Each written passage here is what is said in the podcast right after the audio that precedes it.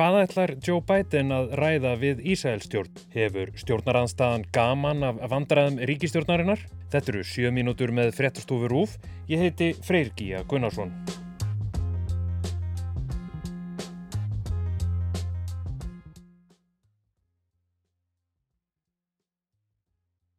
Þegar þátturinn var við það að verða tilbúinn bárust fréttir af hræðilegri sprengingu á spítala á Gaza.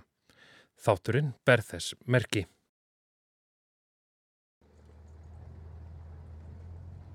Það virðist aðeins tímaspursmál hvenar Ísæls her hefur landhernað á Gaza, aðgerð sem myndi marka tímamót í átökum landsins við Hamas. Joe Biden, bandaríkjafósetti, er væntarlegur til Ísæls í dag.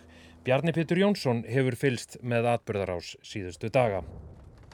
Biden er komin til Ísæls eiginlega til þess að tryggja stöðuleika á svæðinu eiginlega fyrir innrás. Við heyrðum það frá bandarinska vartamálalandinu gær að þau eru að senda til miðausturlanda 2000 bandarinska hermenn og það er rauninni til þess að tryggja að átökin breyðist ekki meira út heldur en orðið hefur og svona til þess að leggja grunninn að innrásinni sem á eftir að hefjast núna á allra næstu dögum. En hvað með þessa störukeppni á landamærunum að Egiptalandi? Sko, Egiptar stýra því hverjir fara um landamærastöðuna. Er, þetta er eina leiðin út af Gaza e, í áttin Egiptalandi og það eru 600.000 palestinum mann á flóta. Egiptar vilja ekki taka við um öllum. Það er herfóringjastjórn í Egiptalandi ef að þangað kemur hálf miljón palestinumanna að þá verður mikill þrýstingur og egipsku stjórnina að gera eitthvað til þess að stöða þetta ferli og það er það sem er hættulegt við þetta ákvæmt núna er að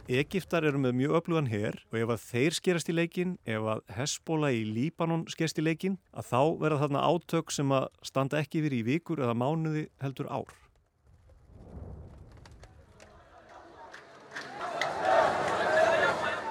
Bjarni Pétur, við vorum bara nýbúinur að taka þetta upp þetta einslag um heimsók Joe Biden þegar að við fengum fréttir af því að spítalega á Gaza hefði orðið fyrir loftárós. Hvað er vitað?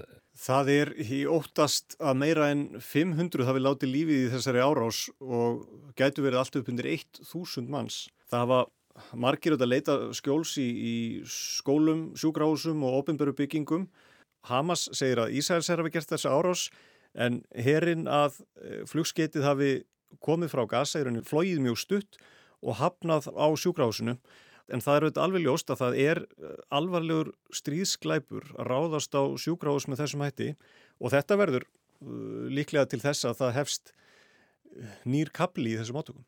Leðtói Hamas sagði sent í gerðkvöld að Ísrael og Bandaríkin væru ábyrg fyrir árásunni.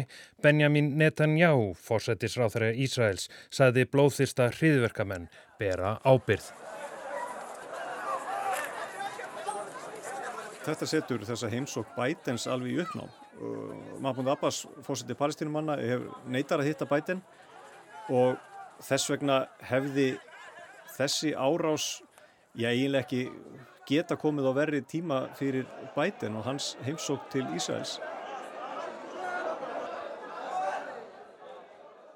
Framhaldið á þessu, það er doldið erfitt að segja því að eins og við fórum yfir áðan, ásakanir ganga á víksl, hver er ábyrgur en þetta hleypir allavega ídlu blóði í báðar fylkingar. Þetta á eftir að vestna til mikill að muna áður en, áður en það fyrir eitthvað að færast í átt til fríðar eða vopnarlis.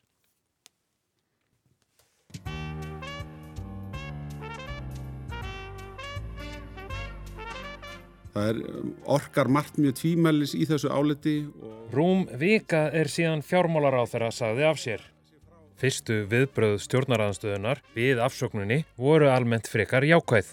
En ég verði að segja að mér fannst þessi ákvönum Bjarnar rétt og mér finnst hann vera maður að meiri. Mér finnst eh, þessi afsögn Bjarnar að vera tíma móti í íslenskri stjórnmálasögu og ég er bara sammála þessari ákvörður ráður á virði hana en síðan breytist tótnin. Ég held að við þurfum að tala alltaf beint út í þessu máli. Staðan er þannig að, að þarna var fjármálar á þeirra að selja föður sínum hluti. En menn eiga ekki endilega að vera að tala mikið um það að vera axla ábyrg þegar að það að axla ábyrg er að gerast utarikis á þeirra. Reynd útsagt að þá bara heitir þetta spilling. Þótt enginn segi það uppátt er eins og stjórnaranstöðinni finnist þetta besta útkoman fyrir sig.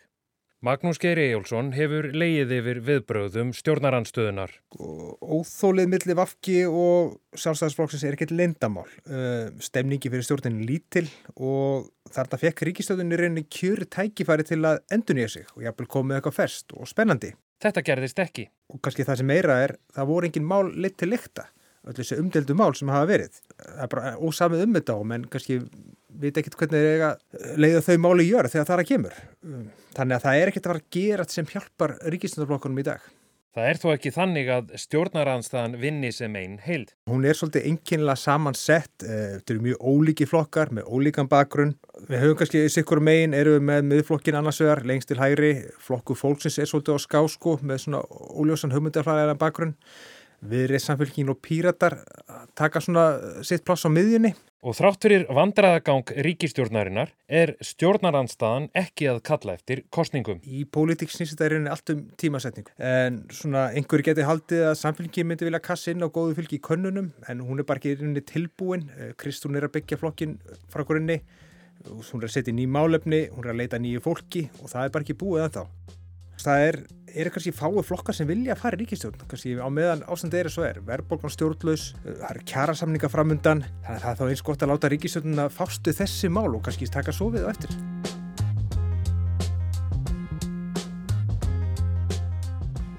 Þetta voru sjö mínútur með fréttastofu Rúf. Ég heiti Freyr Gíja Gunnarsson. Þú getur nálgast frétti Rúf á Spotify, TikTok og Instagram og alltaf á rúf.is í útvarpi og sjómarpi. Verði sæl.